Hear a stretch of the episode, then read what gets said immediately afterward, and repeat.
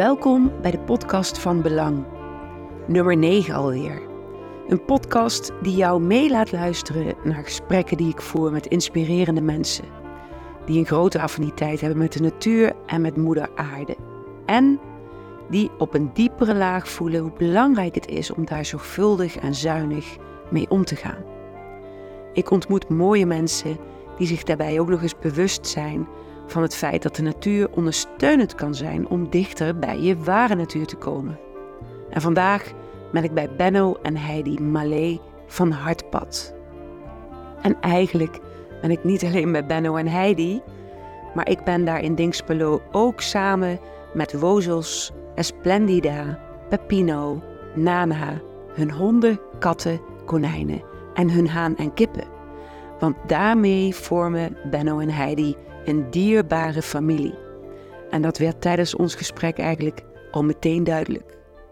Veel luisterplezier. Nou, Fijn dat je hier bent. ja, Ja. ik ben hartstikke blij. Ik vind het fantastisch mooi om hier te mogen zijn. En op dit moment, dit is echt te grappig, is er iemand die zich meldt.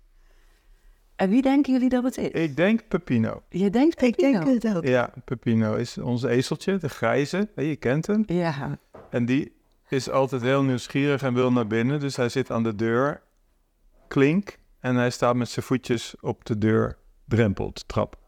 Ja, Ik dacht ook even aan bozels, Nee, onze pony, maar die hoeven zijn groter en Ja. zwaarder, ja. Als ze de deur open zouden doen, dan zou die hier, dan met- zou jullie een grijs ezeltje hier Ja. gewoon bij zijn. zou die hier een gesprek met ons voeren. Ik denk dat hij het stiekem toch. Hij doet het. Hij doet het wel. Ja, Ja. ja dus, eh, ja, want ik ben, ik ben bij jullie en jullie zijn met z'n tweetjes hardpad.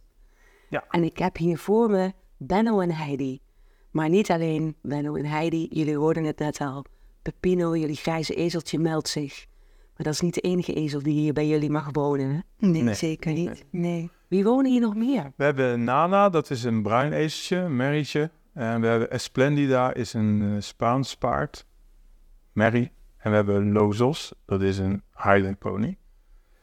En zij vormen samen nou ja, een beetje onze familie. Eigenlijk Ja. jullie kudde. Eigenlijk onze kudde, ja. Dus eh, met hen werken we, met mensen die eh, om wat voor reden ook behoefte hebben aan ondersteuning. In psychische zin. En wij, ik coach dan met de paarden. Dat is mijn taak binnen Hartpad. En Hartpad bestaat 23 jaar. Samen begonnen. En eh, eigenlijk vanuit de behoefte om ons hart te volgen. Ja, Echt dingen te gaan doen waar we energie van kregen. Die we echt heel graag wilden doen. Maar daar in de loop der jaren vorm aan hebben gegeven. Het was niet een vastgelegd concept, zo gaan we het doen. Maar het is in de loop der jaren gegroeid en uitgegroeid tot wat het uiteindelijk nu is. En het blijft groeien. Het blijft groeien, ja. Het blijft, het blijft ons verwonderen, ja. Ja, want dit is ook. Kijk, ik zei, ik ben bij jullie, bij Benno en bij Heidi. Mhm. Ik vind het zo bijzonder dat we voor het eerst nu. dat de mensen naar een podcast kunnen luisteren, naar een mooi gesprek kunnen luisteren.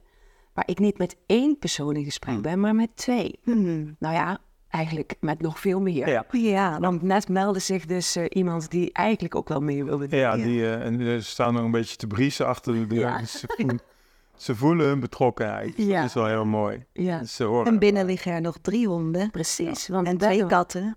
En we Ja. hebben negen konijnen en een haan en drie hennen. Ja, Ja, ja, ja, ja. op Ja. ons plek in Dingspolo. ja. En daar komen we niet vandaan. Wij komen uit de Randstad. Ja, wat bracht jullie hier? Nou, wij, wij zijn uit de Randstad gegaan vanwege mijn werk. Toen was ik nog in loondienst, eh, 23 jaar geleden. Toen moest ik regelmatig overgeplaatst worden. Toen zijn we in de Betuwe neergestreken, uiteindelijk naar wat omzwervingen. En daar konden we de paarden en de ezels niet aan huis hebben. En eh, hier wel. Daarnaast had hij een yogaruimte, die huurde zij, want zij geeft al heel lang les.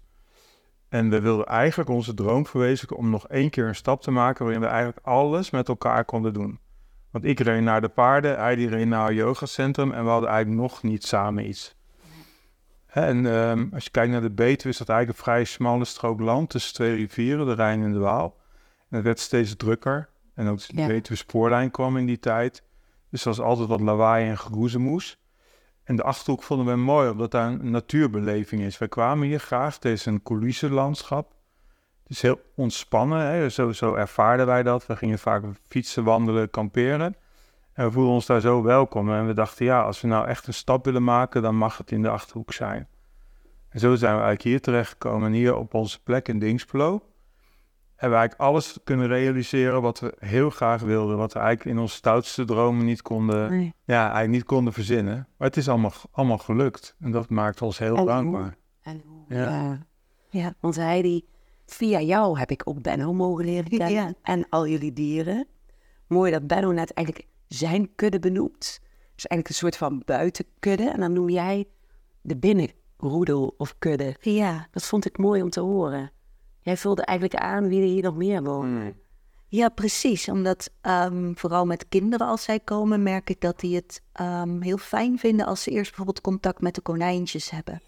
Die daar ehm, ja, in zo groot mogelijke rennen voor ons. Wij vinden het heel belangrijk dat ze ruimte hebben en een maatje hebben.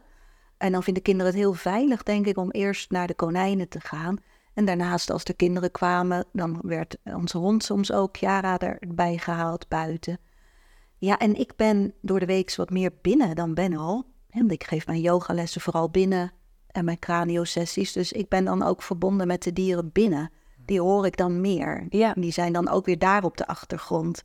Ja, als ik eh, tijdens de ontspanning van de yogales hoor ik een hond bijvoorbeeld in de bijkeuken ook meedoen met gapen. En, eh, dus dat is ontzettend leuk. En snurken En ook. snur. Ja, ja, ja. Dus, Ja. ja. dus die horen er zeker bij. Ja. Ja, ja, want je hebt Ja. hier een geweldig fijne yogaruimte. ja. Wat jij ook zegt, hè, Benno, eigenlijk alles, Ja, alles kunnen maken zoals Ja. het voor jullie Ja. klopte. ja. En het mooie is, Gardien, dat de mensen, met behulp van de mensen die hier komen, wordt de plek zo mooi qua energie.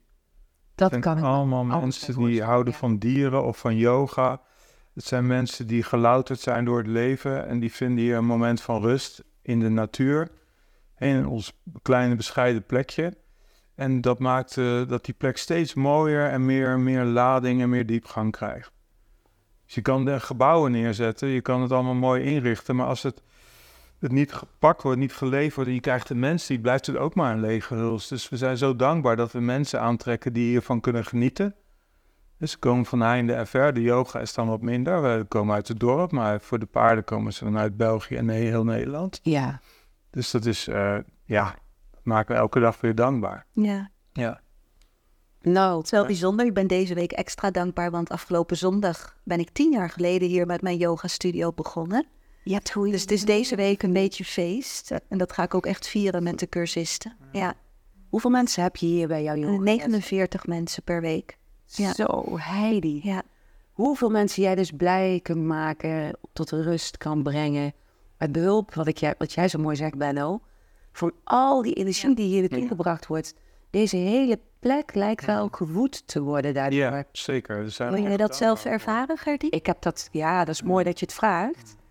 Want ik ben hier natuurlijk verschillende keren bij jullie gast eh, geweest. Ik mocht hier onder de dieren zijn, onder jullie warme vleugels, zou ik bijna willen zeggen. Want ik noem jullie wel eens twee engelen en dat overdrijf ik echt niet. Dus onder jullie ehm, liefde en aandacht heb ik hier verschillende keren voor mezelf mogen zijn. En ik voelde zo de meerwaarde en de diepe laag die aangeraakt Mm. mocht worden. Maar ook bijzonder dat mensen zich ook daar durfden te laten aanraken.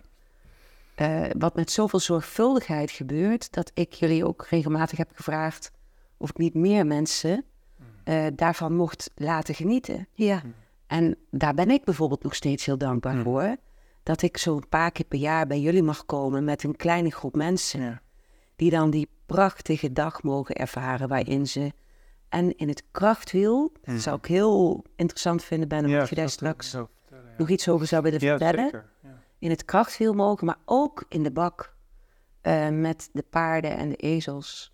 En eigenlijk door jouw lieve zorg, Heidi, gewoon een ongelooflijk fijne, mooie dag van rust en ontspanning en zingeving. Ja, zo voelt het voor mij mogen ervaren. ja mooi. Ja. Ja. Ja, dat is ook wat wij heel erg graag willen. Ja, Hè? Dat, dat iemand hier mag zijn zoals die is, met alles wat er op dat moment is. En dat maakt niet uit wat. En we hoeven het niet eens altijd te weten. En wij streven er altijd naar om daar ook met liefdevolle compassie naar te luisteren en naar te kijken. Hm. We staan er echt wel eens voor, ja, verbaasd is niet het juiste woord, maar hoeveel mensen met zich mee af en toe moeten Ja. dragen. Dat is echt, ehm, ja.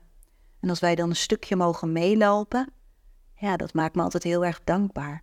Maar ik kan met, met verbazing soms wel eens luisteren naar de verhalen zo van wow, ja. wat is er soms veel gaande in één mensenleven. Ja, ik- iemand zei laatst, goh, wat heeft deze ziel een uitdagend pad gekozen. Ja, ja, Ja. Ik vond dat zo mooi. ja, Ja. ja, Een ziel die een uitdagend pad heeft gekozen. ja, Zo. En die komen hier dan ook bij jullie. ja. En dat is dan ook niet voor niks volgens mij. Nee. En ik heb ook altijd heel erg veel respect voor de mensen die komen. Hè? Dat je toch een deel van je hebben en houden met ons deelt. Soms zelfs Ja. met een groep. In ieder geval met de dieren. En eh, ja, dat, daar, dat maakt mij wel eh, nederig bijna soms. Ja, Ja, Ja, mij ook. ik voel ook vaak als ik hier ben en men, mensen mee mag nemen, eh, hoeveel tranen er gehuild willen worden. ja, Dat is, Ja. de- de- dan gaat er zoveel stromen. ja. En dat is eigenlijk met een yogales, met een coaching, eh de cranial. Ja, Ja, want jullie maken ook nog met z'n tweetjes een hele mooie combi. Ja. Als mensen het soort van totaalpakket eh, Ja. bij jullie zouden Ja. mogen ontvangen, dan komen ze bij jullie allebei. ja, Want wat mogen ze dan ervaren op zo'n... Nou, als je, kijkt, in zo'n, als je kijkt naar een middag, hè, individueel, dan starten we bij de paarden. Ja, Dan, de, de- en bij de paarden, daar wordt op zielsniveau gewerkt door de paarden. En door mijn vragen en de begeleiding in de grote zandbak, waar die paarden en ezels staan. En staan ze met z'n vieren in de grote zandbak. Die paarden zijn vrij, die ezels zijn vrij, dus ze kunnen komen en gaan wanneer ze willen. Ze worden dus niet vastgehouden of tegengehouden. Ze zijn helemaal vrij om die interactie aan te gaan. En door mijn vragen wordt het brein en ook een deel van het lijf aan het werk gezet, tussen aanhalingstekens.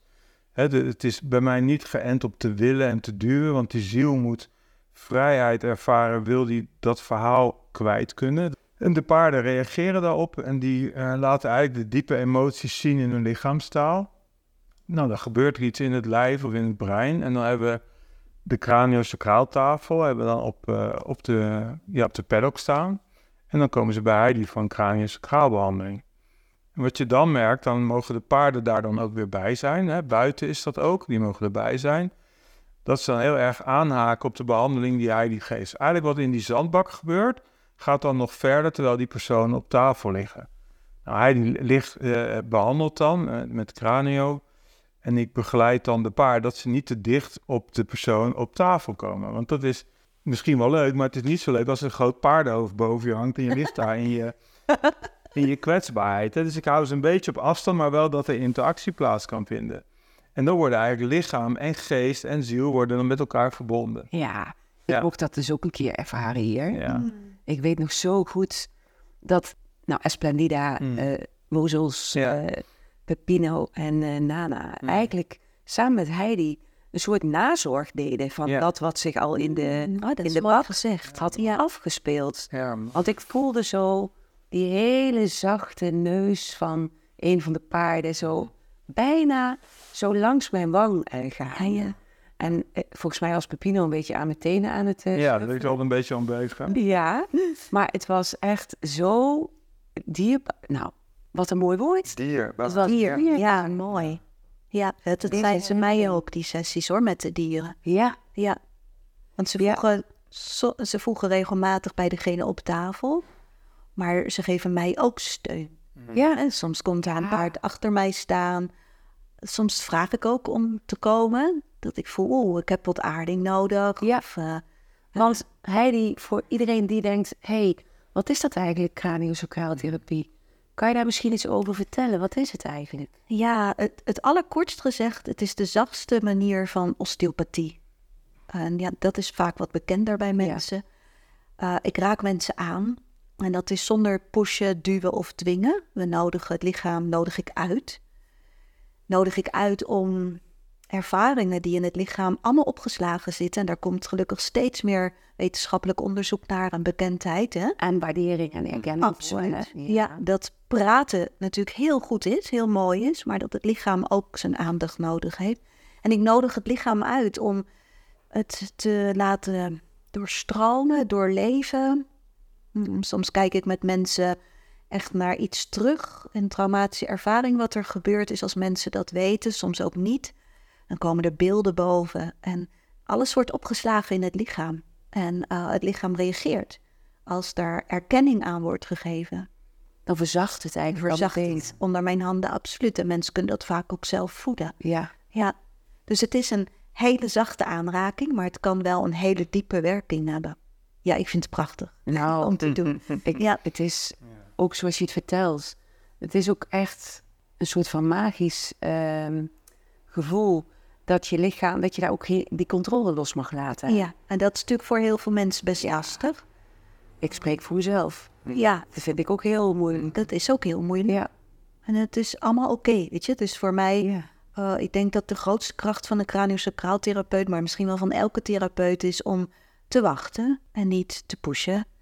Um, en ik geef het lichaam alle tijd. En is het niet deze keer, dan misschien een andere keer. Ja. Maar dat is allemaal oké. Ja, Hè, dat is want- echt. Maar Dat klinkt ook als heel respectvol. Dat je echt zo respectvol. Ja, dat is wel mijn streven. En ik denk, Ja. ik vind het altijd lastig om van jezelf iets te zeggen, maar ik denk dat ik dat best goed kan. Nou, dat weet ik wel zeker. Ik heb dan een beeld ook voor me, ehm, want jij bent net zoals wij een heel erg natuurmens. Ik zit tegen een boom en ik leun tegen de boom met mijn gezicht in de zon. Dat was ooit een docent op de opleiding die dat beeld zei. Nou, als natuurmens haak je daar gelijk op aan. Dus ik zit rechtop en ik leun tegen de boom met mijn gezicht in de zon en ik hoef alleen maar te wachten. En mijn wortels, mijn voeten, laat ik dan met de boom de grond ingaan, dat ik zelf wel geaard blijf. Ja? En dat is ook, Ja. ik denk wat wij samen doen als wij een dag intensief werk hebben gedaan. Ja, dan pakken we de honden en dan gaan we de natuur in. Ja, echt om te ontladen. Ja. Ja. ook, hè? Ja, Ontladen, absoluut. De aarde onder onze voeten te voelen en eh, Nou, Ja. ik, Benno, ik heb je paarden, de paarden ook wel eens flink zien ontladen. Ja, zeker. Na zo'n Ja. sessie in de bak. Ja. Want zij voelen zoveel van de mensen die dus met ze eigenlijk daar mogen zijn. Ja. En ik, ja, prachtig om te zien hoe ze dan rennen, springen, even rollen, schudden. dat heb ik ook echt nodig. Ja, dat snap ik. Ja, het, is, het zou erg zijn als we ze daarna bijvoorbeeld op stal vast zouden zetten of eh, iets, iets anders met ze zouden gaan doen. Hè? Maar ze moeten de tijd en rust hebben en de vrijheid, net als wij, om weer te ontladen en op te laden. Ja. Ook wel mooi wat jij me ooit vertelde, Benno, is dat een paard... Kijk, wij als mensen hebben maar twee voeten die op Ja. de grond staan. Maar dat een paard vier benen heeft, vier Ja. voeten. Dat, dat doet iets met dat Ja, zeker. ontladen of ook weer aarden, Ah, heb ik me Ja, voorstellen. ze zijn heel erg geaard, hè, de dieren. En eh, voor een paard, eh, kijk, een, een mens denkt in gisteren, denkt in verder terug, kijkt ook al vooruit. En een paard is gewoon in het hier en nu. Hè, gisteren is er niet meer voor hem of haar, de ochtend is hij al kwijt. Als je in de middag bij ons komt, dan ben jij het aller, allerbelangrijkste voor mij en die paarden. En die paarden zijn bij ons leidend. En die paarden kijken ook niet naar morgen en die kijken ook niet, maar- maar die zijn echt verbonden met jou. En als je zulke onverdeelde aandacht krijgt, van dieren die zo dicht bij zichzelf krijgen, dat, dat doet wat iets met je. Ja, ja. Hè, Het is ook buiten, we staan niet in een hal, het is buiten. Ehm, in, ja, bijna in weer en wind, maar met regen doen ze het niet. Nee, Dan gaan ze het dan denken ze, bekijk het maar. precies, hè? dus het hele jaar door werken we. Eén sessie per dag, want we willen ook dat de paarden niet te veel belast worden. Hè? Zij mogen niet te dupe worden van ons verdienmodel. Ja, we zijn heel zorgvuldig met ze. En als je een sessie komt, dan hebben we drie uur de tijd voor je. ja. Dus er is geen rijtje mensen wat staat te wachten. Ook niet voor mij, ook niet voor die dieren. Als jij in een groepje komt, nou dat weet je, dan hebben we Ja. vier korte sessies. Dat gaat prima, omdat we een hele dag hebben. Maar dat hebben, deden we eerder veel vaker. Maar we merken dat de paarden toch, omdat ze... Te belastend, Te belastend. Ja. Dus ze hebben dat afgebouwd. ja. En nu ben jij de enige die dan nog... eh, Nou ja, je brengt ook fijne mensen mee, Gardien. Hè? Mensen die begrijpen wat het is om aan zichzelf te werken. En dingen hebben ervaren, de, de pijn hebben ervaren om eh, daardoor bij jou of met jou in contact zijn gekomen. En dat maakt dat ze voor de paarden heel fijn zijn, omdat ze begrijpen. Wat mooi, ja. Ja. Ik voel het ook echt als een eer dat, Ja. ik, dat ik dat hier mag gaan ontvangen. Want Ja. ik ben op die dag eigenlijk alleen maar... Ik neem de mensen mee en ik ben er. En ik zie wat er gebeurt. En tegelijkertijd, ook al sta ik op die dag niet in de bak... maar voelt het zo thuis en zo eh, als een cadeau... dat ik ook die dag gewoon in die energie mee mag gaan. Dus daar ben ik ook echt heel blij mee. Ja. Ja. Hey, hoe, hoe is het eigenlijk begonnen, Benno? Dat jij dacht, goh, ik word later als ik groot ben Ah. Aardekool. Oh, Kevin. Dat heb je denk ik nooit gedacht. Nee, nee. Uh, Als je nu achter je kijkt en je ziet hem hangen aan de Ja, daar daar hangt uh, Fiablo. Een Dat prachtige foto Ja. van een ongelooflijk indrukwekkend, statig wit paard. Die zo iets wat nonchalant een beetje opzij kijkt, maar ondertussen ons allemaal in de gaten heeft, volgens mij. ja. Dat Hij, is wat ik zie. Hij is niet meer op deze aarde. Hij is nog wel om ons heen, helaas. Hij is zeven jaar geleden overleden. Maar hij kruiste mijn pad op een moment dat ik eh, heel veel moeite had om bij mijn gevoel te komen. Ik vond gevoel eng. Ik vond het heel complex. Eh, ik had liever mijn brein, want het was goed ontwikkeld. En met mijn brein loste ik alles op. Alle vraagstukken in de wereld. Heel En herkenbaar. naast me, naast me zit een enorm gevoelsmens. Hè, Heidi is, is gevoel. Zij leeft vanuit haar gevoel. En wij zijn een gouden combinatie. Want ik heb dan mijn ratio, had dan mijn ratio en zij had haar gevoel. Dat dier kwam op mijn pad en ik werd op slag verliefd op hem. Dus toen ik thuis kwam en ik zei tegen Heidi, Heidi, wat dacht je ervan als ik een paard ging kopen? Toen zei ze, doen. Doen. Je hebt nog nooit iets impulsiefs gedaan. Doe het. Dat moet zo zijn. Dus, nou ja, ik heb hem gekocht. Hij kon bij vrienden staan. ehm, en ik ben gaan uitzoeken hoe dat zou werken om een paard... Maar heel even terug, ja, Benno. ja, kruiste jouw pad. ja. Waar? Wanneer? Oké. eh, wij, hadden, wij hadden vrienden die hadden fokte paarden. Ja.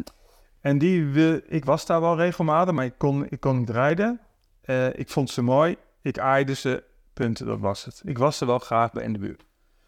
En die zeiden op een middag, ga mee, wij gaan Spaanse paarden kopen, want daar willen we mee gaan fokken. En ik was wel eens vaker meegegaan. En dan vroeg ze aan mij dingen en dan zei ik, gaf ik een antwoord. En dat antwoord beviel ze blijkbaar, terwijl ik nul kennis had. Maar gewoon vanuit mijn eh, nul kennis hebben, gaf ik blijkbaar goede antwoorden over hoe een paard liep of hoe het eruit zag. Of ik gaf goede antwoorden. Dus ik mocht ook mee naar die, eh, naar die stal. en daar stonden eh, allemaal hele mooie Spaanse hengsten, mannetjes. Die stonden in zo'n hele mooie stal met hun hoofdjes over zo'n eh, hekje. Allemaal te kijken en te wachten. En ik hoorde een, eh, een geluidje. eh, en in, een donker hoekje. En ik, ja, ik vond die paarden mooi, maar ik was geïnteresseerd in dat geluidje. En daar stond Diablo, die stond enorm op te winden. En ja, ik werd heel verdrietig toen ik hem daar zag in een donker hoekje. En ik vroeg aan die man, die handelaar, ik zei, joh, wat is er met hem aan de hand? Oh ja, dat weet ik ook niet, die hebben ze erbij gedaan, die probeer ik wel te verkopen. Dus ik, joh, mag ik hem even zien? Dus hij haalt hem eruit en eh, ja. Oh, zegt hij, eh, wil je rijden? Dus ik had nooit op een paard gezeten, dus ja, dat is goed. Zij zadel erop en ik op dat paard zitten rondjes en zo. Ja, maar ik vond hem gewoon zo mooi. Ik was zo geraakt door het dier. En toen ging ik naar Heidi terug en toen zei ik, goh, ik wil hem kopen. Nou, er gebeurde wel met die handelaar, dus we moesten even wachten tot die werd gebracht, zeg maar. En in die tussentijd heb ik allemaal boeken gekocht, dat is echt letterlijk. Ging ik allemaal lezen, Gardien, want ik wilde in mijn brein opslaan om te weten hoe ik het zou moeten doen.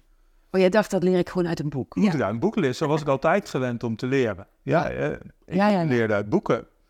Dus ik had eh, verschillende boeken. Wat ik wel wist, dat ik het niet zo wilde zoals ik op die stal bij die vrienden zag. Met rijen en zo. Ik wilde iets anders, ik wilde iets alternatiefs. Meer vanuit het paard. Ja. En dan kwam de eerste hobbel, want zij verklaarde me voor gek, want ik was een beginner. En eh, dan heb je zo'n paard gekocht en dan ga jij het heel anders doen. Wij weten hoe het werkt. Dus dat was al de eerste dat ik dacht, dacht van, wat moet ik hiermee? Maar mijn gevoel zei, nee, doen. Dat was de eerste link dat ik mijn gevoel liet spreken. En toen ben ik aan de gang gegaan. Maar omdat ik met die boeken werkte, dat paard begreep mij niet, dus ik begreep het paard niet. En het werd steeds gevaarlijker dat hij die zei van, joh, Ben, hij bijt, hij probeert je te schoppen, laat je helpen. Ik zei, nee, ik doe iets verkeerd. Het staat in dat boek en ik kocht ik boeken met foto's. Is opgenomen. Dan ging met die foto's ging zo na, na, bij de paard staan hoe ik dan ten opzichte van dat dier stond. Want ik ging dan grondwerken, hè, ze mooi laten lopen. In vrijheid. En dan nog werkte het niet. En toen... eh, Het werd echt gevaarlijk. Ja? ja, Ja, vlak voor Benno stijgen we. En, eh, ja. ja. En dan daagde hij me uit en dan wachtte hij tot de tik kwam. Maar ik kon niet over mijn hart krijgen om dat beest iets te doen. En maar hij was het zo gewend. Dus hij wachtte gewoon tot de tik kwam. Ging, hup, of hij pakte me, beet. En dan ging hij zo wachten. Nou, je ziet dat koppie. Ja. En dan kan hij zo wachten. Zo, nou, en nu dan? Maar ik kon niet over mijn hart verkrijgen. Want ik wilde alles in liefde, alles in zachtheid met hem doen. En toen eh, kwamen we in contact met iemand uit België. En die heeft mij geholpen. En die zei, kwam de eerste keer al. Die zei, joh, dat paard is goed. Het ligt aan jou. Dus zei ik, nou, Meteen al. Het, Ja, het is goed. gelijk. Het, ligt er. hè, ik zeg, dat paard is getraumatiseerd. Nee, joh, zegt hij. "Eh, jij bent op zijn Belgische. Jij bent, eh, jij bent de oorzaak. Als jij niet... eh, Confronterend ook, hè? Ja. Ja, Of kan ik me zo voorstellen. Als jij niet aan je gevoel gaat doen en je gaat verbinden, wordt dit alleen maar een drama. Dan kun je hem beter wegdoen. Maar ik zei, nee, ik ga hem niet wegdoen. Ik heb de verantwoordelijkheid over dat dier genomen. En zo werkt het bij ons. We nemen de verantwoordelijkheid op ons over een dier. En dat betekent dat er maar één manier is waarop die weggaat. Dat is als die overleden is. Ja, ja, ja. Anders hadden we ons eerder moeten bezinnen. Dus dat hebben we gedaan. En ik ben met hem, hij, elke 14 dagen kwam hij. Heel tegendraads ten opzichte van de paardenwereld. Dus ik moest elke keer ook uitleggen aan die vrienden waar ik stond. Dat die man het beste met mij voor had. Maar ik moest oordeel, oordeel, oordeel. Moest ik tegenop. En eh, uiteindelijk is het goed gekomen. En hij liet me gewoon soms net zo lang in de bak zitten. Op mijn kont, op mijn schapenvachtje. Tot dat dier naar mij toe kwam. En dan koos voor de verbinding aan te gaan. Ja, het raakt me nu nog gewoon, omdat het bracht me zo bij mijn diepste gevoel. Datgene wat ik nodig had en om enige reden niet kreeg. En eh, ja, dat keek ik toen in de ogen met dat dier. En toen dacht ik, ja, als dat voor mij helpt, dan kan ik daar misschien ook andere mensen mee helpen. Ik was al coach, ik was opgeleid tot coach. En toen ben ik na een aantal jaar met hem eerst het fenomeen paard gesnapt te hebben. Hoe leven ze in kuddedier? Wat is normaal gedrag? Wat is ander gedrag? Dat kwam door die Belgische man. Daar leerde ik heel veel over paarden. En heel diepgaand. Toen ben ik eh, twee opleidingen tot paardencoach gaan volgen. En ook systemisch werk. Met en zonder paarden. En toen ben ik eigenlijk op dit pad terechtgekomen. Ja. Ja, en dat was... eh, A, ontdekte ik dat als ik met mijn gevoel werkte... dat ik daar een veel fijner en blijer mens van werd. En dat het gevoel... eh, ik was heel bang om me weg te geven als ik mijn gevoel liet zien. Dat zo zijn reden. Hè, dat ik zo kwetsbaar was dat ik niet meer voor mezelf zou kunnen opkomen en zorgen. En ik ontdekte de mensen die ik ontmoette... A, of ze hadden hetzelfde... of het gebeurde helemaal niet. Ja. En dat was zo'n enorme eye-opener voor mij, dat ik eigenlijk al mijn eh, verdedigingsmechanismes met behulp van dat paard kon laten zakken. Dus het was dus ook een enorm drama voor mij, persoonlijk drama, toen hij overleed. Ik dacht, het gaat me niet meer lukken. Was je bang dat met Ja. het lijden van Fiablo Ja, een deel van jou meestierf? absoluut. Ja, Zo. ja, dat ik het ook niet meer zou kunnen om zo eh, bij mezelf te blijven. Dat ik weer terug zou schieten in het gedrag. Hij vroeg me elke dag weer om in mijn kracht te staan. Elke dag weer. Bij mezelf te blijven. En dat was soms geweldig en soms was het ook zo confronterend en pijnlijk. Want je kan niet, ik kon niet elke dag in mijn kracht staan. Nee. Hè? En eh, dan nodig je me uit om toch achter dat verdriet op zoek te gaan en weer verder te gaan. Het was een heel intens leven met hem, maar wel een prachtig leven. Hoe lang is hij bij jou geweest? Hij is, ja, hij is 14 jaar bij ons geweest. Nou, je zegt net, het raakt me nog steeds, maar hoe je erover vertelt, zo diep dat deze band met dit dier is geweest en, en nog, je zegt, hè, hij is Ja, voelbaar. ja, ja, Dat raakt mij ook. ja. Hij heeft echt mijn leven veranderd. Ja. Ja, En daardoor ook het leven van heel veel andere mensen. ja, want- Want doordat hij jouw leven veranderde, Mm. kon jij voor andere mensen weer iets daarin ja. doen. ja, mooi dat je het zegt. Ja, Ja. Ja. ja. ik weet wel of je dat herkent. Als je naar jezelf kijkt hè, en je bent bij jezelf geweest, dan kan je er ook weer meer voor anderen zijn. Ja, ik geloof heel erg in eh, eh, wat voor mij een overtuiging is, eh, is dat ik niemand verder kan brengen dan daar waar ik zelf sta. Ja, Dus dat vraagt van mij om ook eigenlijk net als Fiablo aan jou Ja, om elke keer te checken en in te checken bij mezelf. ja. hey, hoe zit ik erbij? Hoe sta ik Waar ervoor? ben je? Ja. Ja, En dat is mooi van ons werk, hè? van Ja. jouw werk, van ons werk. En eh, ja, ja, dat is me zo dierbaar. Dus anders had, ons, had mijn leven er anders uitgezien. Dan was ik nog steeds HR-directeur geweest en had ik heel veel reorganisaties begeleid. en nu eh, ja, ben ik al 23 jaar coach, eh, waarvan 18 jaar met paarden. En ja. zo verrijkend, echt zo verrijkend. Ja. Nou, wat ik heel mooi vind, jij vertelt dat hij echt jou iedere dag confronteerde met dicht bij die kern blijven. De- Ja. Je eigen, ja, je ware ik eigenlijk. Ja, Hè? ja. Eh, voorbij angst en voorbij overtuigingen of eh, Ja. eh, Mhm. nou, noem het maar op. Ik mocht één keer met de eervolle opvolger, eh opvolgster, eh Esplendida, jullie andere mooie witte paard, mocht ik in de bak staan hier. En ik weet nog zo goed, ik leunde tegen haar hoofd. Ik heb die foto, die is mij ook echt, dat is een hele kostbare foto voor mij, ook met zulke mooie herinneringen. Want die herinnert mij dus ook elke keer aan het moment dat zodra ik naar mijn hoofd schoot, bij wijze van spreken door te bedenken, wat sta ik hier nou te leunen tegen het hoofd van een paard? Zodra ik in mijn hoofd zat, nam zij afstand. En zodra ik weer echt ging voelen, kwam ze weer dicht bij me. Mhm. Dus dat was echt een soort golfbeweging bijna. Totdat ik voelde, oké, ik geloof dat ik nu weet, voor dit moment, dat ik nu weet hoe ik dicht bij mijn gevoel kan blijven. Want ik voelde ook eh, een verlangen dat zij bleef en niet wegging. Ik herken bij mezelf een grote angst voor afwijzing. Dus kan ik dat zelfs voelen als een paard denkt, ja, doe je geen, ik, eh, ik ga. Ja. Ik was op dat moment zo bewust van wat ik te doen had. Ja. En daar ondersteunde zij mij zo mooi in dat ik, goh, dat ik echt, ja, dat ik de kracht van de aanwezigheid van zo'n imposant, mooi, sensitief dier, ja, ik, ik eh, ben elke keer weer onder de indruk. Ja, Ons brein zet ons soms op paden waar we eigenlijk liever niet heen willen. ja, Terwijl ons lijf zegt, oh, blijf maar bij jezelf. Maar ons brein heeft geleerd door wat dan ook om te denken en ons op een pad te zetten waar we eigenlijk verder van onszelf afgaan. Ja. Of juist heel erg bezig zijn om iets te creëren wat we door aanwezig te zijn in onszelf alleen maar kunnen bereiken. En Ja. dat, is, eh, ja, dat is wat je hebt ervaren. ja, prachtig. En zij, ja, zij willen alleen maar dat je er bent, want dan ben je lid van hun kudde. Ja, Zij willen harmoniseren dat jij onderdeel van hun kudde bent. ja, Zij, eh, het kudde werkt eigenlijk als een familiesysteem. Er is een balans geven en nemen. Er is ordening. En er is geen, eh, geen sprake van uitsluiting. Iedereen is aanwezig. Zij sluiten niemand uit. Dus wat ze dan doen om de kudde sterk te laten zijn in de natuur... is dat ze iedereen inclusief laten zijn. ja, Ze laten niemand achter. En dat is eigenlijk waar we hier gebruik van maken. Van het simpele, natuurlijke principe, instinctief, de kudde. ja, En jij hebt je innerlijke kudde. Wij hebben allemaal onze innerlijke kudde. Daar zitten allerlei verbanden. We hebben ons familiesysteem als kudde. We hebben onze voorouders een hele grote kudde.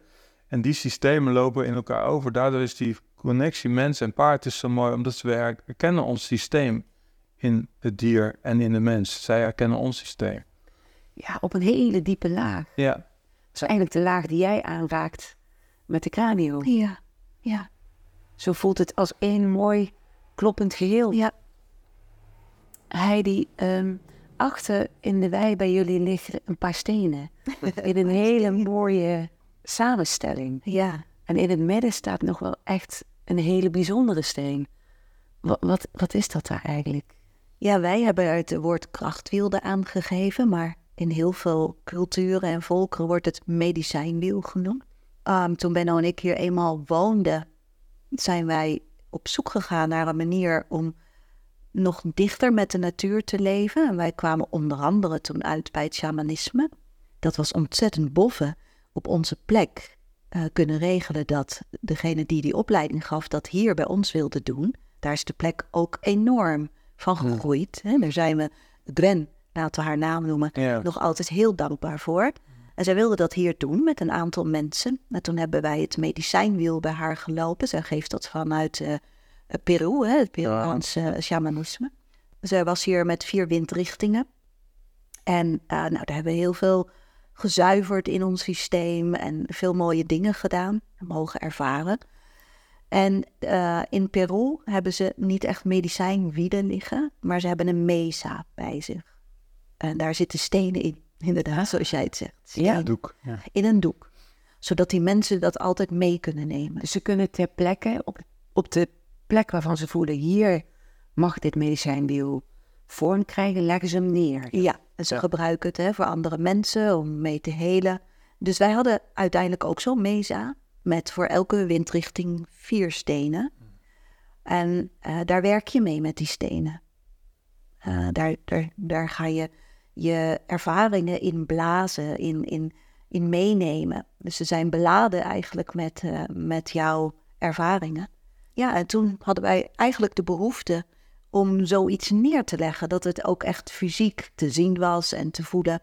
Maar we hadden geen idee hoe. Nou, toen werd ik op een ochtend wakker. En toen zei Benno, ik heb vannacht uh, iets gedroomd. En volgens mij ben ik in mijn droom uit bed gegaan en ben ik naar het kamertje hiernaast gegaan en ligt er op de strijkplank een papier. En op dat papier heb ik geschreven hoe de stenen voor ons krachtwiel moeten komen te liggen en waar en waar ze voor staan. Maar volgens mij heb ik het gedroomd. En hij loopt naar het kamertje en daar lag het papier. Je zei, ja, je hebt een visioen gehad. Ja. En we waren heel dankbaar dat hij dus de moed had om dat uit te tekenen. En uh, toen hebben we eerst besloten, willen we dat met ons laten adviseren door andere mensen, bijvoorbeeld Gwen of wie dan ook. Maar we kregen heel duidelijk toen het gevoel, dit moeten wij zelf doen. Dit moeten wij doen. En uh, nou ja, toen hebben we besloten om met dat papier erbij, hebben we stenen besteld. En bij zonsopgang hebben wij toen de stenen gelegd zoals Benno dat gezien had. Ja, in de droom. En toen um, hebben we wel eh, de stenen, wat je zegt, je kunt zeggen, ja, daar liggen wat stenen. Nee hoor, dat is zo bedoeld. Nee, maar het is mooi dat je dat zegt, want zo zullen sommige mensen dat ervaren. En dat is prima. Maar wij hebben dan toen wel mensen uitgenodigd die A, uh, ons dierbaar zijn en die zich ook zo konden verbinden met de natuur. En toen is Gwen gekomen Natasja, die jij al hebt genoemd. Maar Gwen kunnen we echt wel een shamaan noemen. En zo hebben wij elke steen met elkaar ingewijd. Ja, fantastisch. En dat is eigenlijk op een hele mooie, uh, eenvoudige manier gegaan. Zoals voor mij ook de natuur. De natuur is niet eenvoudig, maar het kan eenvoudig. Snap je wat ik Ja, ik snap, heel, ik snap het meteen. Hè, dus een steen voor de lente hebben we gevoeld, ieder voor zich. Waar staat de lente voor? Wat doet de lente? Wat, wat brengt dat? Wat gebeurt er in de natuur? En dat hebben we allemaal met elkaar ja, zo in die steen verzameld. Tot het ook echt een lentesteen werd. Ja, ja. Snap je? Ja. En zo liggen daar de seizoenen, de chakra's, eh, de krachtdieren. Ja, en eerst hadden we gedacht, nou, dat gebruiken we voor onze plek.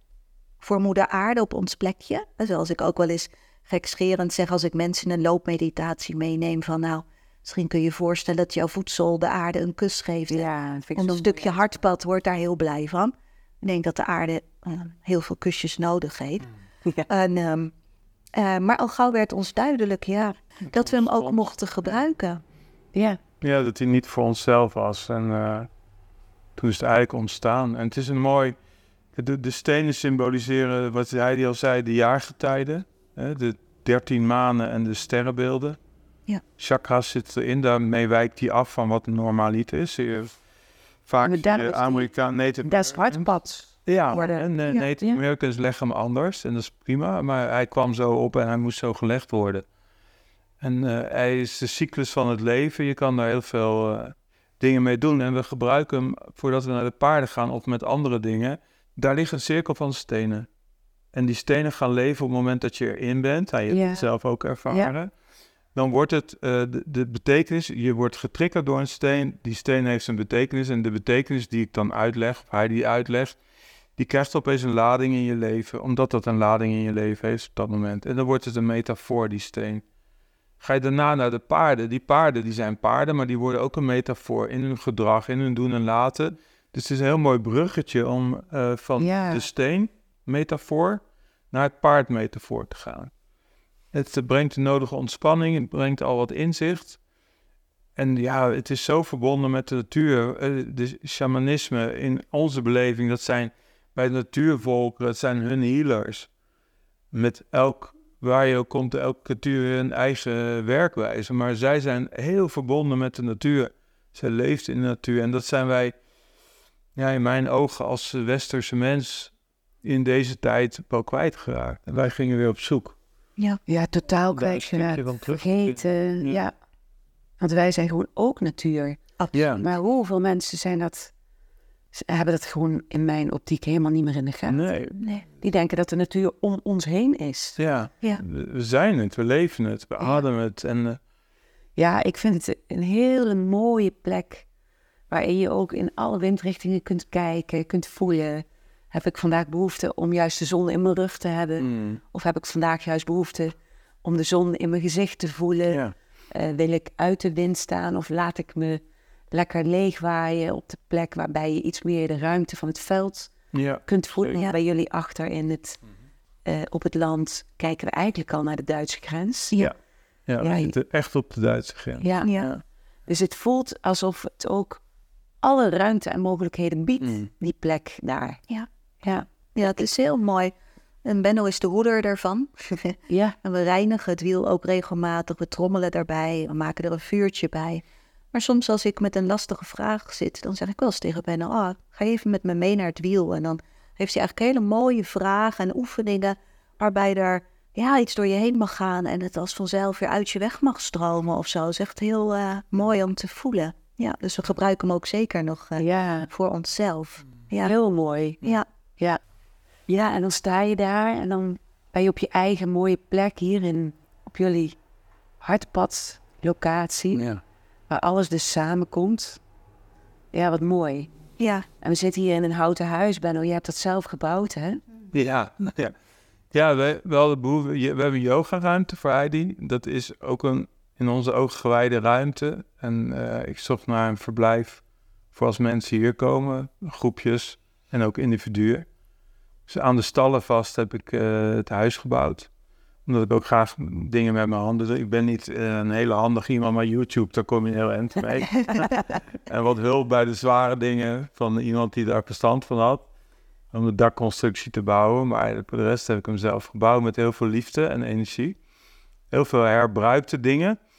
Hè, zodat we daar de natuur niet opnieuw voor moeten belasten. Dus eh, ja, dat, en je hoort, ja, je hoort het nu ook. Paardenhoefjes, je hoort briesen, je, hoort, je leeft eigenlijk tussen die paarden. Ja, maar ook helemaal, we horen ook af en toe de, het is al donker aan het worden. Ja, We horen zelfs de tractoren nog Ja, eh, langs. Ja. ja. Zijn nog Die hebben denk ik het mais. eh, ja, het Ja, een drukke het grasmaaien zijn ze nu nog aan het doen. Ze halen Ja. nog wat eh, gras. Dus we zitten ja, midden in een... eh, in de oogsttijd. Ja, Ja. in de oogsttijd. Het is een mooie Ja. tijd. Wij genieten nu weer van het uitzicht, want maïs stond er nog op. Nu kun je naar Duitsland kijken. Ja, naar diep in Duitsland kijken, dus dat geeft ook weer ruimte. En, Maar ook de reeën voorbij zien komen. Ja, zeker. Ja. Ja. Het is, wat is er nou mooier dan 's ochtends je gordijnen open te doen en je het is hier staan in de verte, hè? Ja. Ja, ja, dat brengt me wel bij een mooie vraag, Heidi. Want is dat ook het allermooiste, dierbaarste beeld van de natuur... wat jij je kunt herinneren van je hele leven Mm. zelfs? dat uitzicht. Ja, of Ja. heb je misschien ooit iets anders gevonden eh, of aangeraakt in de natuur... wat je altijd is bijgebleven? Jazeker, dat zijn wel meerdere dingen. Maar eh, het allermooiste wat ik mocht vinden in de natuur is een stukje gewei van een ree. En ik voel me al van kleins af aan denk ik verbonden met ezels en met reeën. Ik weet nog dat ik met mijn eh, familie in voormalig DDR was, Oost-Duitsland, want mijn oma komt daar vandaan.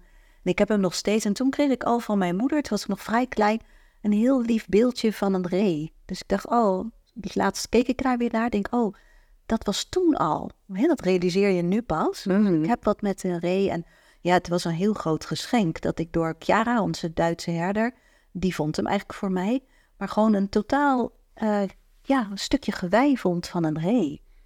Ik durfde het bijna niet op te pakken. Ik heb het wel gedaan.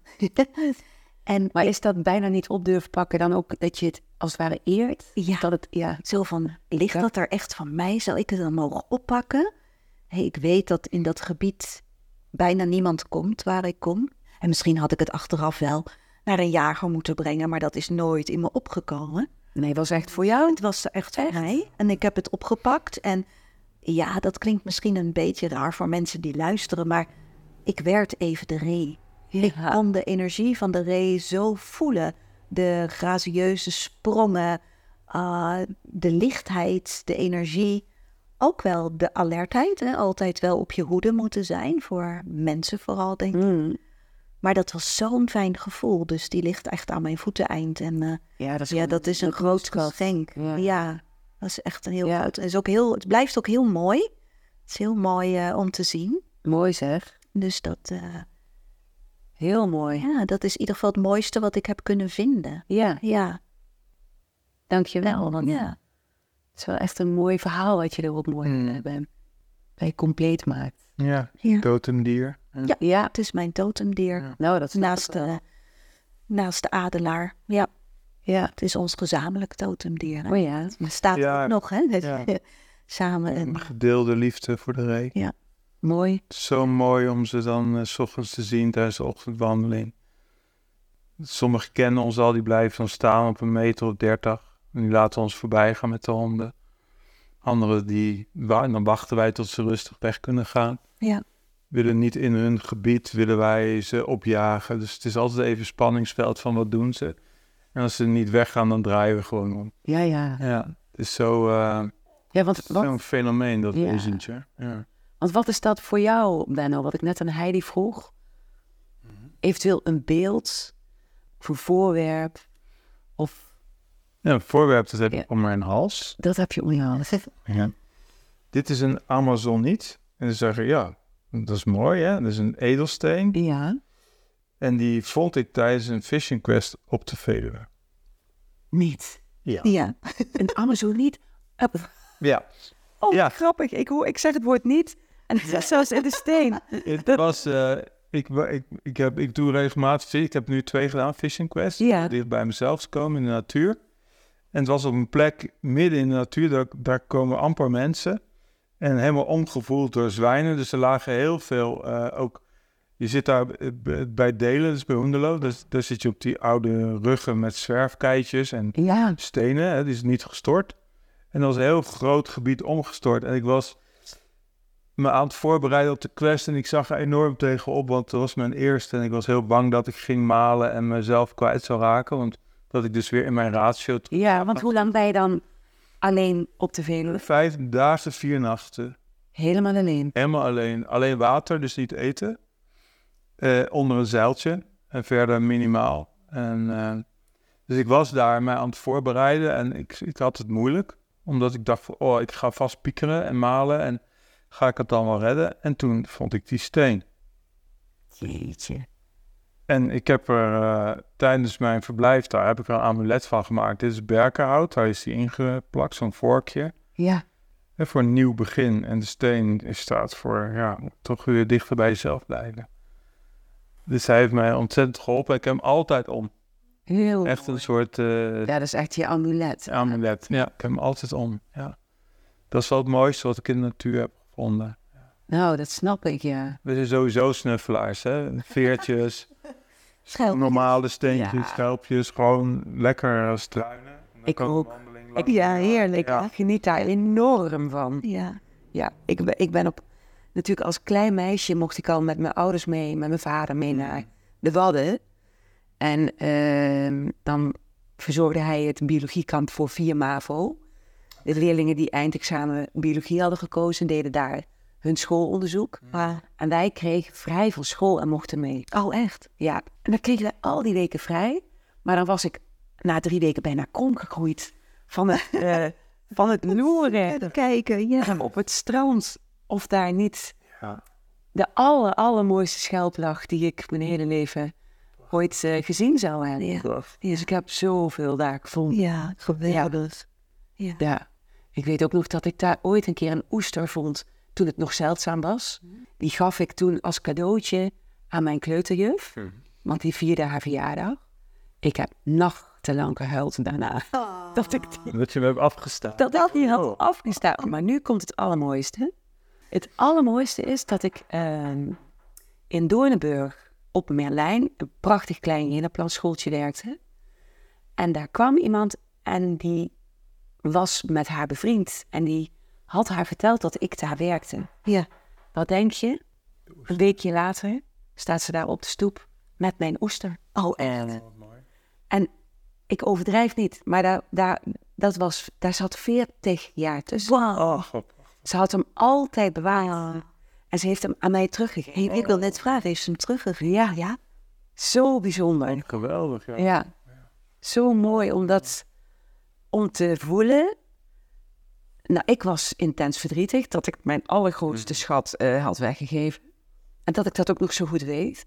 Maar dat zij die zorgvuldigheid heeft gehad om te voelen hoe belangrijk ja. Ja. Ja, en dat ze mij 40 jaar Wow, wat geweldig, wat mooi. Ja, Heb je hem nog? ja. Ja, oh, maar... Ligt in mijn vitrinekastje met andere natuursavatten. Wauw, Ja, Hij is weer helemaal terug. Oh, fijn. mooi hè? prachtig. Ja. Ja, oh lieve Benno en Heidi, wat fijn om dit gesprek met jullie eh, Ja. te hebben. Het- Fijn dat je ons de gelegenheid gaf. Ja. Het is een eer. Ja. Nou, voor mij ook. Ja, Ja. Ik heb nog wel een laatste vraag aan jullie, als dat mag. natuurlijk. Ja, want wat als je een landschap zou zijn? Welk landschap zou je zijn? Hoi. En dat zou vandaag, kan dat weer anders zijn als morgen natuurlijk. Maar voor nu, welk landschap zou je zijn? Ik denk dat ik me in elk landschap thuis voel. De natuur is voor mij zo thuis. Als ik, als ik even verdrietig ben of boos of wat dan ook. ehm, sowieso, elke dag de natuur in. Ik kan niet zonder. Dat is zo, sinds we hier wonen voel ik me ook zoveel fijner. Zoveel dichter bij de natuur, verbonden met de seizoenen. Maar om, om af te sluiten, dan, dan toch maar nu het mais weg is, voel ik me het landschap wat ik zie als ik uit mijn slaapkamerraam kijk. De dieren, het weiland en daarachter de bomen, beek ertussendoor, de reeën op het veld, Ja.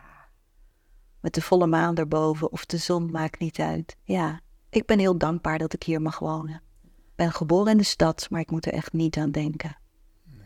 En we doen echt ons best hè, om dat kleine stukje hardpad ehm, ja, heel zorgvuldig mee om te gaan. We eten geen vlees, de dieren krijgen biologisch voedsel, gaat alleen maar biologische compost op ons weiland. We hebben één auto, we willen liever niet vliegen. Uh, maar ja, op onze manier doen we ons best om de natuur, moeder aarde, ja, een beetje te sparen. Mooi. Ja. Dankjewel voor dit mooie antwoord. Ik zou eh, een berglandschap willen zijn. Ik, ben, eh, ik vind bergen mooi, ik vind ze imposant. Ik heb er altijd heel veel ontzag en respect voor. En dan zo'n wa- waar zo'n woud een beetje tegen opgroeit en dan sneeuw de top. En dan de kracht van die berg voelen. Ja, dat is, eh, Hey, en waar sta je op de berg? ik sta aan de voet en ik kijk. Ah, ademloos kijk. Vanuit een diep respect naar hoe zich dat, nou ja, miljoenen jaren heeft ontwikkeld tot wat het nu is. En hoe moeilijk ze het nu hebben om die sneeuw en die gletsjers goed te houden. En de regen eh, nog een beetje naar beneden laten, maar ook in de bodem vast te houden. Dat, eh, ja, ja. Maar daar, ik sta beneden en kijk. Ja. En jij, wat wil jij zijn? ja, ja. Ja, ik ben geneigd om te zeggen dat de zee, Hmm. de wijsheid, dat die me zo past. En dat ik daar zoveel ademruimte voel. En dan sta ik ook echt met mijn rug naar de duinen, zodat ik me gesteund voel door, door die, die, die, dat helmgras, die, die pioniers. Ja, ja, ja. die krachtige overlevers. En dan mag ik zo uitkijken naar links, naar rechts. Ik word dus ook de echt... voor mij is een strand niet eh, het strand aan de westkust van Nederland... waar de flatgebouwen eh, Nee, Nee. achter me staan. dat snap ik. Dat voelt niet oké. Nee. Maar is het dus ook echt het liefst op de punt van een van de Waddeneilanden. Waar ik alleen maar, als ik om me heen kijk... gewoon alleen maar natuur zie. Fantastisch. En ik voel altijd heel sterk dat ik van me af moet kijken. Ja, ja. Dat is wat heel sterk in me opkomt. Dus als ik aan Benno vraag, waar sta jij op die berg? Ik zou dus minstens, Ja? minstens halverwege, Ja, maar nog liever ja. op, de, top. Mm. Ja, Omdat ik dan zoveel ruimte om me heen voel. Die wijdheid. En dat voel ik ook op het strand. Dus zet mij midden in het bos en ik voel het als beklemmend en een beetje benauwd. nou. Dat die bomen zo dicht bij me staan. Ik wil van me af kunnen kijken. En ja, Ja. dat vertelt me tegelijkertijd ook dat ik behoefte heb om eh, veel ruimte om me heen te hebben. Mm. Dus ja, dat is, dat is mijn land. Mooi, Ja. ja. Wat een mooie vraag. Ja. Ja, Ja, het geeft ook zulke mooie, verrassende antwoorden elke keer. Ja, ook zo van jullie. Jij bent eigenlijk gewoon één met het landschap hier waar je, waar je s'morgens ja ik, oh, ik ben aan het voelen ondertussen wat jij zegt. En ik kan zo juist die bomen zijn mijn vrienden zo nodig hebben als bescherming, als steun. Ik praat graag met ze, ik omarm ze graag. Maar ja, ik voel ook die wijdheid van de zee en, en de bergen. Eh, Ja, het klinkt een beetje raar, maar ik voel me overal thuis in de natuur. Nou, klinkt helemaal niet raar voor mij. Ja, het is echt mijn moeder. Ja. Dat vind ik mooi gezegd. Ja. Ja, Ik denk dat dat ook heel mooi is om daarmee af te sluiten. Ja. ja, Dat we met deze moeder van ons allemaal, ja. Ja, en zijn moeder. Ja. ja, onze moeder, afsluiten. Dank jullie wel Jij bedankt, Gerdien. voor dit prachtig mooie gesprek. Ja, jij bedankt ja, voor de gelegenheid. Je luisterde naar een bijzonder driegesprek met voor mij twee dierbare mensen. En mooi hoe het woord dierbaar een dubbele betekenis krijgt voor mij. Want ja, ik voel zoveel liefde en respect voor mens, natuur en dier bij Benno en bij Heidi. En daarmee zijn ze een grote inspiratiebron voor mij. Ja, en ik noemde al dat ik zelf heb mogen ervaren hoe bijzonder het is om die boodschap van de paarden en ezels te mogen ontvangen. En ook nog eens hoe fijn en zacht en veilig de craniosacraaltherapie van Heidi is. En dan heb ik het nog niet eens over haar yogalessen gehad. Nou, ben je nieuwsgierig of zou je misschien graag zelf zo'n hartpadmoment jezelf cadeau willen doen of daar iets meer over willen weten? Kijk dan maar eens op www.hartpad.nl. Nou, en als je het leuk vindt om te reageren op deze podcast, ik zou het heel leuk vinden en ik denk Benno en Heidi ook. Mail dan naar info.gerdienjansen.nl Ook als je tips hebt, iemand kent of misschien zelf die persoon bent die mijn gast zou willen zijn. Bedankt voor nu, bedankt voor het luisteren en heel graag tot een volgende keer.